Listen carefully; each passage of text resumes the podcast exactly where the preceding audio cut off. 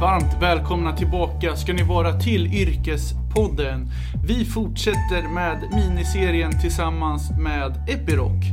Lite kortfattat om Epiroc så är det ett ledande global produktivitetspartner för gruv och infrastrukturindustrin. Epiroc är ett globalt företag som finns i många länder runt om i världen där bolaget främst producerar innovativa borrriggar och bergbrytningsutrustning. Jo, Epiroc och Yrkespoddens samarbete är till för dig som är lyssnare och ska få inspiration för Epirocs många olika yrken inom organisationen. Karriärtips från gästerna, hur företagskulturen ser ut, vad finns det för karriärsmöjligheter i den globala verksamheten och hur ser rekryteringsprocesserna ut egentligen? Det är där ni kommer få höra i Yrkespodden. Och i detta avsnitt får ni höra Maria Dahlén som är global planeringschef inom logistik på Epiroc. Nu kör vi!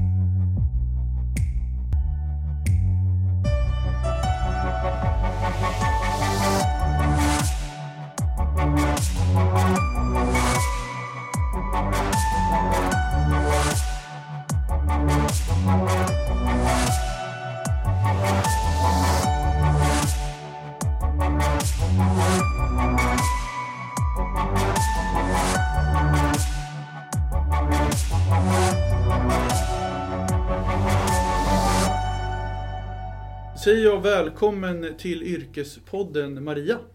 Tack så mycket. Hur är läget med dig? Ja men det är bra, det är bra. Det är mycket att göra i dessa tider och det är ju lite annorlunda att jobba mycket hemifrån får jag säga. Men eh, vi lär oss, vi lär oss.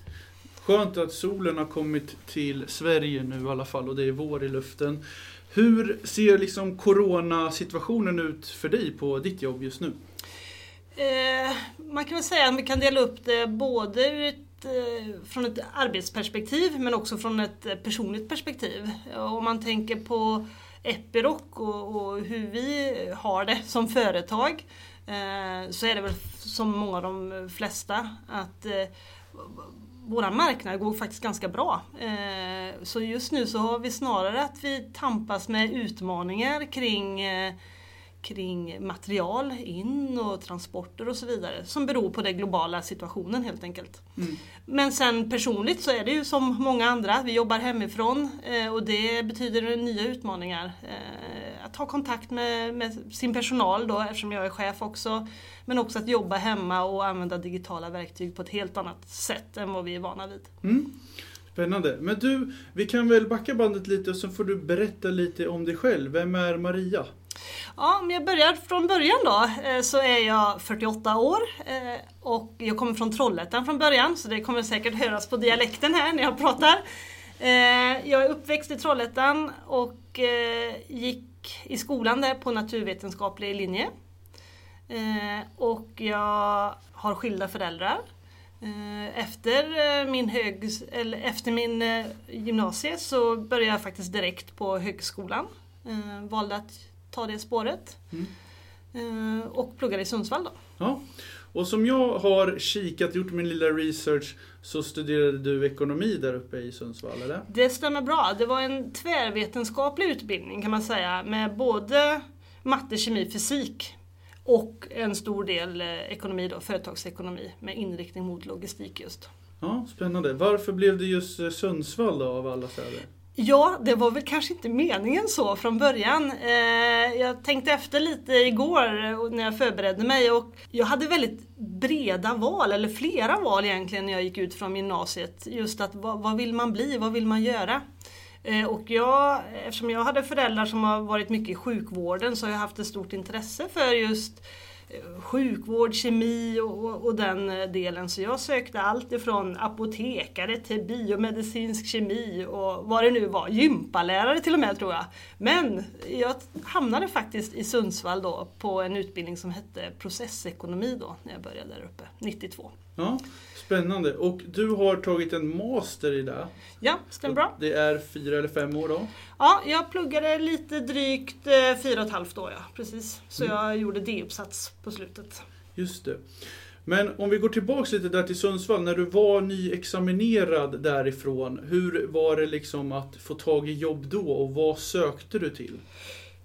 Jag sökte ganska brett också eh, och eftersom jag är från Trollhättan så ville jag väl ska man säga, komma lite längre söderut. Eh, jag hade också min sambo redan eh, sen som vi träffades på, just på gymnasiet så att jag ville lite mer närmare hemåt. Och så jag sökte brett och Ericsson i Kumla var faktiskt min första arbetsplats och som jag var kvar på väldigt länge. Mm. Och det var en väldigt, väldigt eh, högkonjunktur då. Eh, vi tillverkade faktiskt, eller Ericsson tillverkade mobiltelefoner på den tiden när jag gick ut då, 97 i Kumla. Så det var mycket, mycket stor efterfrågan på kompetens och, och, och resurser. Och vad var liksom din första ingång, vad var det för yrkestitel du hade liksom när du började, du var nyexaminerad och du skulle börja Ericsson. Vad, liksom, vad var första steget? Min första titel var logistikutveckling. Eh, så jag, det var en, kan man säga, en supportande roll till inköpsfunktionen, till inköparna. Eh, jag jobbade eh, med logistikavtal mot våra leverantörer, jag jobbade med EDI, jag jobbade med streckkoder för att vi skulle ha bra streckkoder på våra förpackningar in. Så det var väldigt mycket kopplat till logistik och inköp. Då. Mm. Och hur länge blev du kvar på Ericsson? Ja, totalt så jobbade jag faktiskt ganska exakt 20 år på Ericsson i många olika roller skulle jag vilja säga. Eh, och det var ju en av en förmån att just få jobba på Ericsson, en stor arbetsplats. Eh, det fanns möjlighet att prova på många olika roller. Mm. Och sen så blev du eh, lite mer intresserad av Epiroc då? Ja. Eller var det dåvarande Atlas Copco kanske? Ja, när jag började så var det faktiskt Atlas. Eh, jag började på Epiroc nu då, eller Atlas för fyra år sedan. Ehm, och det var faktiskt kopplat till att jag blev uppsagd som så många andra eh, på Ericsson. Och, bara, och det är också en erfarenhet som jag ändå vill, eh, vill lyfta fram att det ordnar sig, vill jag säga med det. så vi blev uppsagda relativt många för man var, var det kring börskraschen eller IT-kraschen där? Eller? Eh, nej, det var egentligen 2017 här nu då som jag lämnade Ericsson och det var mer kopplat till att Ericsson eh, gjorde en omstrukturering eh, och har kvar en väldigt, väldigt liten del kan man säga i Kumla idag som inte alls var mitt kompetensområde. Så det var många som fick lämna. Eh, men eh, Epiroc hade ju då faktiskt gick in i en högkonjunktur så jag skulle säga att för både oss som slutade på Ericsson och för Epiroc så blev det en, en bra match. För det är ganska många Ericssonare som faktiskt har börjat på Epiroc. Mm. Spännande. Jag är lite intresserad av att få, reda på hur såg rekryteringsprocessen ut när du skulle bli anställd av Epiroc? Uh, ja, ja, det var ju flera roller ute som jag sökte. Så jag sökte på vanligt sätt men eh, jag skulle också säga att eh, jag hade några kontakter också in på Epiroc och, det är väl någonting jag vill komma tillbaks till att bygga och nyttja ett nätverk är väldigt, väldigt viktigt. Eh, och det är ju svårt när man är nyutexaminerad men att bygga ett nätverk det har man väldigt, väldigt stor nytta av under livet. Ehm, så att det var både via kontakter men såklart via att jag sökte på vanligt sätt enligt rekryteringsprocessen. Då. Mm. Var det flera intervjuer eller var det liksom, eh, hur gick den processen till? Ja, när jag, när jag eh, kom in på min första tjänst då som jag blev anställd till så var det intervju, eh, vilket också var på engelska, det är lite annorlunda. Mm. Kopplat till en chefstjänst då som jag sökte. Eh, så det var en första intervju och sen så såg förfarandet ut som så att om man eh, passerade det så kallar vi det för farfarsintervju då, att man får träffa chefens chef då och få ytterligare en intervju. Ja. Har du något tips till hur man ska förbereda sig på en intervju då? Ja, det finns ju, det finns ju mycket. Ehm, det här är klassiska skulle jag vilja säga, men att, att reflektera över ens personliga styrkor och, och svagheter och, eller utvecklingsområden. Det tycker jag är väldigt bra att ha insikt kring. Eh, men jag skulle också säga idag att jag själv, när jag rekryterar, så tycker jag det blir viktigare och viktigare att också se till en individs personliga egenskaper, eh, värderingar, eh, beteenden, snarare än kanske hård kompetens om jag uttrycker mig som så. För mig är det väldigt viktigt att se driv, energi, motivation. Eh, du kanske inte kan precis allting Jens, men om du är motiverad och jag ser och känner att du är motiverad, då, då kan det slå sakkompetens för mig. Mm. Absolut. Superbra tips mm. Men du, eh, vi tänkte gå in lite på din yrkestitel idag. Och nu får du ju rätta mig om jag har fel här, men du är global planeringschef inom Parts och Service. Och det kan man väl egentligen sammanfatta lite mer som att det är logistik som vi pratar om. Ja, och, och logistik är för mig ett väldigt brett ämne. Jag måste bara säga det först. För det, det logistik om, kan omfatta så mycket. Det kan omfatta eh, allt ifrån distribution och transporter. Det kan omfatta produktionslogistik och produktionsplanering. Eh, inköp, naturligtvis viktig del i logistik. Eh, och sen har vi då planering. Eh, och det som jag jobbar med mycket nu är det vi kallar för demandplanering eller behovsplanering. Så vi tar in efterfrågan, forecast och behov från våra kunder eh, kopplat till eftermarknaden då. Så jag tillhör ju en division inom Epiroc som jobbar med eftermarknads och reservdelar. Mm. Service till våra kunder. Och hur ser en vardag ut för Maria när hon är planeringschef? Då? Ja, eh, det är ju naturligtvis väldigt varierande. Det är mitt första svar på den frågan. Det är väldigt varierande. Och nu är vi en ganska ny och ung organisation. Eh, för Epiroc har ja, under de senaste åren ska säga fokuserat och eh, väldigt mycket på, på logistik och ett supply chain, eh, alltså försörjningskedjor globalt. Eh, där man har varit lite svag historiskt men ett väldigt, väldigt stort program nu där vi försöker få ihop våra globala försörjningskedjor, eh, lagerpunkter, eh, avrop, dimensionering av, av, av, lager och så vidare. Eh, och för att svara på din fråga då så, så skulle jag vilja dela upp det i olika delar. Alltså en del av mitt jobb det är att vara och jobba strategiskt. Eh, och jobba mycket med eh, vision och strategi och processutveckling kopplat till det. För en del av det som är i mitt uppdrag nu det är att utveckla eh, och ta fram processer som faktiskt kanske inte finns eller som behöver förbättras kopplat till just planering och lagerstyrning. Och sen så har vi den operativa biten. Eh, och just nu när, om vi pratar covid-tider och försörjningsproblem och utmaningar med tillgänglighet. För, för oss eh, ur ett reservdelsperspektiv så är det väldigt viktigt att vi har hög tillgänglighet på våra komponenter till våra kunder. Som kanske liksom står still med en stor gruvmaskin och det vill vi undvika.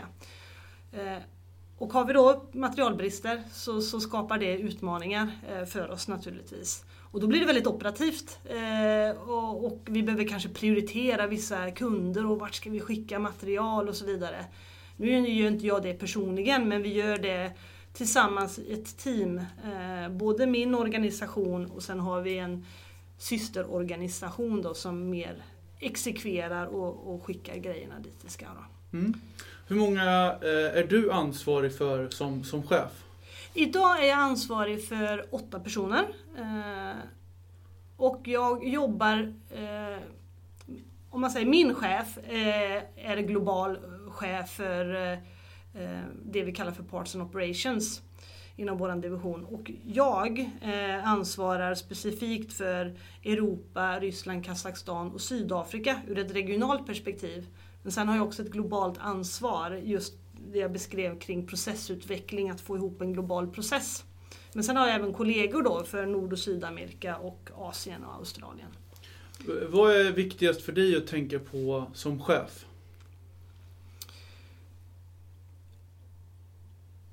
Ja, det, var, det, det, är en stor fråga. Eh, som chef, för mig handlar det väldigt mycket om att eh, leda och fördela arbetet på ett bra sätt. Eh, och jag, jag är verkligen ingen expert själv. Eh, utan eh, jag, jag jobbar väldigt, väldigt gärna tillsammans och med mitt team. Jag tror ju väldigt mycket på teamwork och att, att samarbeta. Och det är kanske min eh, största och vad ska man säga, bästa egenskap som chef. Just att främja samarbete och teamarbete. Eh. Och lita på, på mina medarbetare. Mm.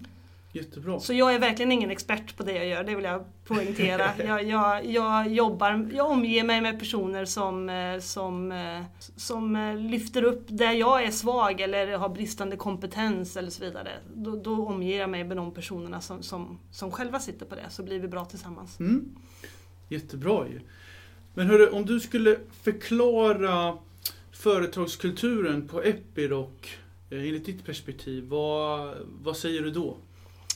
Eh, för det första så gillar jag den eh, starkt.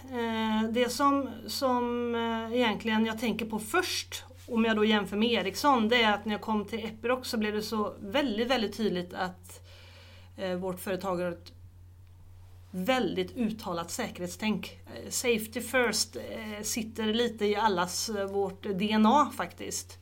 Och det är mycket kopplat till att vi är i den branschen vi är, eh, maskiner, farliga miljöer såklart. Så Safety First det är verkligen in, inrotat eh, i, i Epiroc och även Atlas innan då. Eh, sen gillar jag våra värderingar. Jag är väldigt värderingsstyrd som person och jag tycker vi har tre bra, väldigt grundvärderingar inom Epiroc med, med innovation, commitment och eh, collaboration eller samarbete jättebra och de kan man luta sig eh, väldigt mycket mot. Och kopplat till dem så har vi sedan ett antal Extended values kallar vi det för då. Eh, som jag tycker man kan verkligen koppla både feedback till och hur vi vill bygga vår företagskultur. Jag gillar också Epirocs vad ska man säga, satsning eller fokus på Eh, diversity och inclusion. Alltså hur vi jobbar med mångfald och inkludering. Jätte, jätte, jätteviktigt. Eh, och jag är den första som att, att säga att det är inte bara eh, du vet, eh, manligt och kvinnligt, vi måste ha mer kvinnor in i våran bransch och så vidare. Ja, det är jätteviktigt. Men för mig är det lika viktigt att ha eh, ålder, olika bakgrund, etnicitet, religion. Att vi har en väldigt, väldigt bred mångfald ur flera perspektiv, inte bara kön. Mm. Jättebra. Du, om du skulle gå igenom din, eh, din, ditt perspektiv på karriärsmöjligheterna på Epiroc, mm. hur skulle du beskriva det? Jag skulle beskriva det som väldigt stora och väldigt bra. Eh, Epiroc är ju ett stort och väldigt globalt företag. Eh, nu sitter jag och jobbar här i Örebro, men Örebro är en ganska stor arbetsplats. Vi är ungefär 2000 anställda. Eh, sen beror det på naturligtvis vilket område, vilken kompetens man har. Men det finns väldigt, väldigt många olika kompetenser inom Epiroc i Örebro. Vi har allt ifrån hela produktionsverksamheten, lagerverksamhet och ut, utveckling, R&D. Eh, mycket kopplat till ISIT nu med automation och digitalisering är, är jätte, jättestort. Och även vad ska jag säga, vanliga administrativa roller som inköp, eh, planering och så vidare. Så det är väldigt, väldigt brett. Eh, plus att då eh, Epiroc främjar verkligen, tycker jag, att om man har ett intresse att jag vill jobba utomlands och så vidare så, så, så finns det stora möjligheter att göra det, skulle jag vilja säga. Spännande ju. Mm. Hörrni, eh, den här, eh, jag tänker på dina framtidsplaner för just vad, vad känner du, eh, vad, vad, har du för framtidsplaner inom, inom din titel eller i Epiroc? Och, och jag är sådär jättetråkig på den frågan. Eh, men, men och det är kanske för att balansera, och jag vet inte vad många andra säger hos dig Jens, men jag, när jag går in i en roll eller ett arbete så har jag när jag reflekterar över hur jag själv agerar faktiskt, så är jag väldigt, väldigt fokuserad på det jag gör. Jag är i nuet och jag, jag vill verkligen göra ett bra arbete där jag är. Så jag har aldrig tänkt att om tre år, då ska jag vara det här och jag ska ha nått så långt eller jag ska ha tjänat så mycket pengar. Det har egentligen aldrig drivit mig, utan det har drivit mig att göra ett bra jobb där jag är. Och det har jag nog, påstår jag då, ofta gjort. Och då har det skapat möjligheter. Så för mig har det varit bra att, att fokusera på det jag gör och göra det bra. Då har möjligheterna kommit nästan automatiskt om jag får säga så. Mm. Härligt. Det Jag kanske- vet inte om det låter konstigt Nej, men det eh, låter jätte, jättebra. Så man kanske inte heller ska ha för höga mål och, framtidsvisioner heller, utan man ska kanske leva lite i nuet också. leva lite i nuet så att man inte, ska man säga, skapar ett hinder för sig själv och snarare ser det som ett misslyckande att nu, nu, nu nådde jag inte hit efter tre år. Sen säger jag inte att jag inte har några ambitioner eller framtidsplaner men just kring karriär och så, så är jag väldigt mycket i, i nuet och gör ett bra jobb där jag är. Då ska vi faktiskt knyta ihop den här säcken med just karriär. För att eh, varje gäst i Yrkespodden ska alltid få se, ge sina avslutande bästa karriärstips. Och eh, du får väl sväva fritt här med vilka tips du har. Så det är bara att köra. Ja, alltså det första som, som jag tänker på och som, som kanske har färgat mig, det är just att, vara- att vara nyfiken. Eh, att våga lära sig nya saker, att, att säga ja till nya möjligheter och frågor. Jag har fått många frågor genom min karriär. Mia, skulle du vilja göra det här eller skulle du vilja prova det här? Och våga säga ja. Eh, för vad är det värsta som kan hända? Ja, det, det kanske inte blir bra och då, då får man tänka om eller, eller backa. Och det har lärt mig väldigt mycket. Eh, och också, tror jag, skapat en bredd för mig själv i min egen kompetens. Eh, och det, det skulle jag, så var nyfiken och, och, och våga lära nya saker. Mm. Och om vi pratar logistik specifikt så är ju det ett väldigt brett område. Så man, om man kommer in i det här området så finns det väldigt stora möjligheter att prova på olika roller, skulle jag vilja säga. Sen tänker jag också kring nätverk. Eh, det är inte så jättelätt att ha ett nätverk när man är nyutexad men jag märker nu att ju äldre man blir och man har jobbat att bygg ditt nätverk, var social, använd sociala medier, använd kontakter på jobbet, eh, använd klasskamrater, gamla arbetsgivare, vad det nu kan vara. Så att ett nätverk att luta sig på är väldigt, väldigt viktigt. Och sen eh, skulle jag nog vilja säga själv att eh, våga be om, våga be om hjälp. Ensam är inte stark utan eh, ta hjälp av kompisar, kollegor, nätverket som jag sa. Och, och man behöver inte kunna allt och man kan inte veta allt. Så att våga vara liksom sårbar om jag får uttrycka mig så och öppen för att ta hjälp. Jag måste i alla fall tacka Maria så mycket att du var med i Yrkespodden. Tack själv, tack själv, kul att vara här. Hej hörni, Jens här från Yrkespodden. Hoppas ni tycker om podcasten och se till att prenumerera på Yrkespodden i din poddapp. Det finns på Spotify, iTunes, Acast, Soundcloud. Ja, ni vet, där alla poddar finns. Jag finns också på LinkedIn, Jens Jangdin, och även på Instagram, där jag också heter Jens Jangdin. Tack så mycket.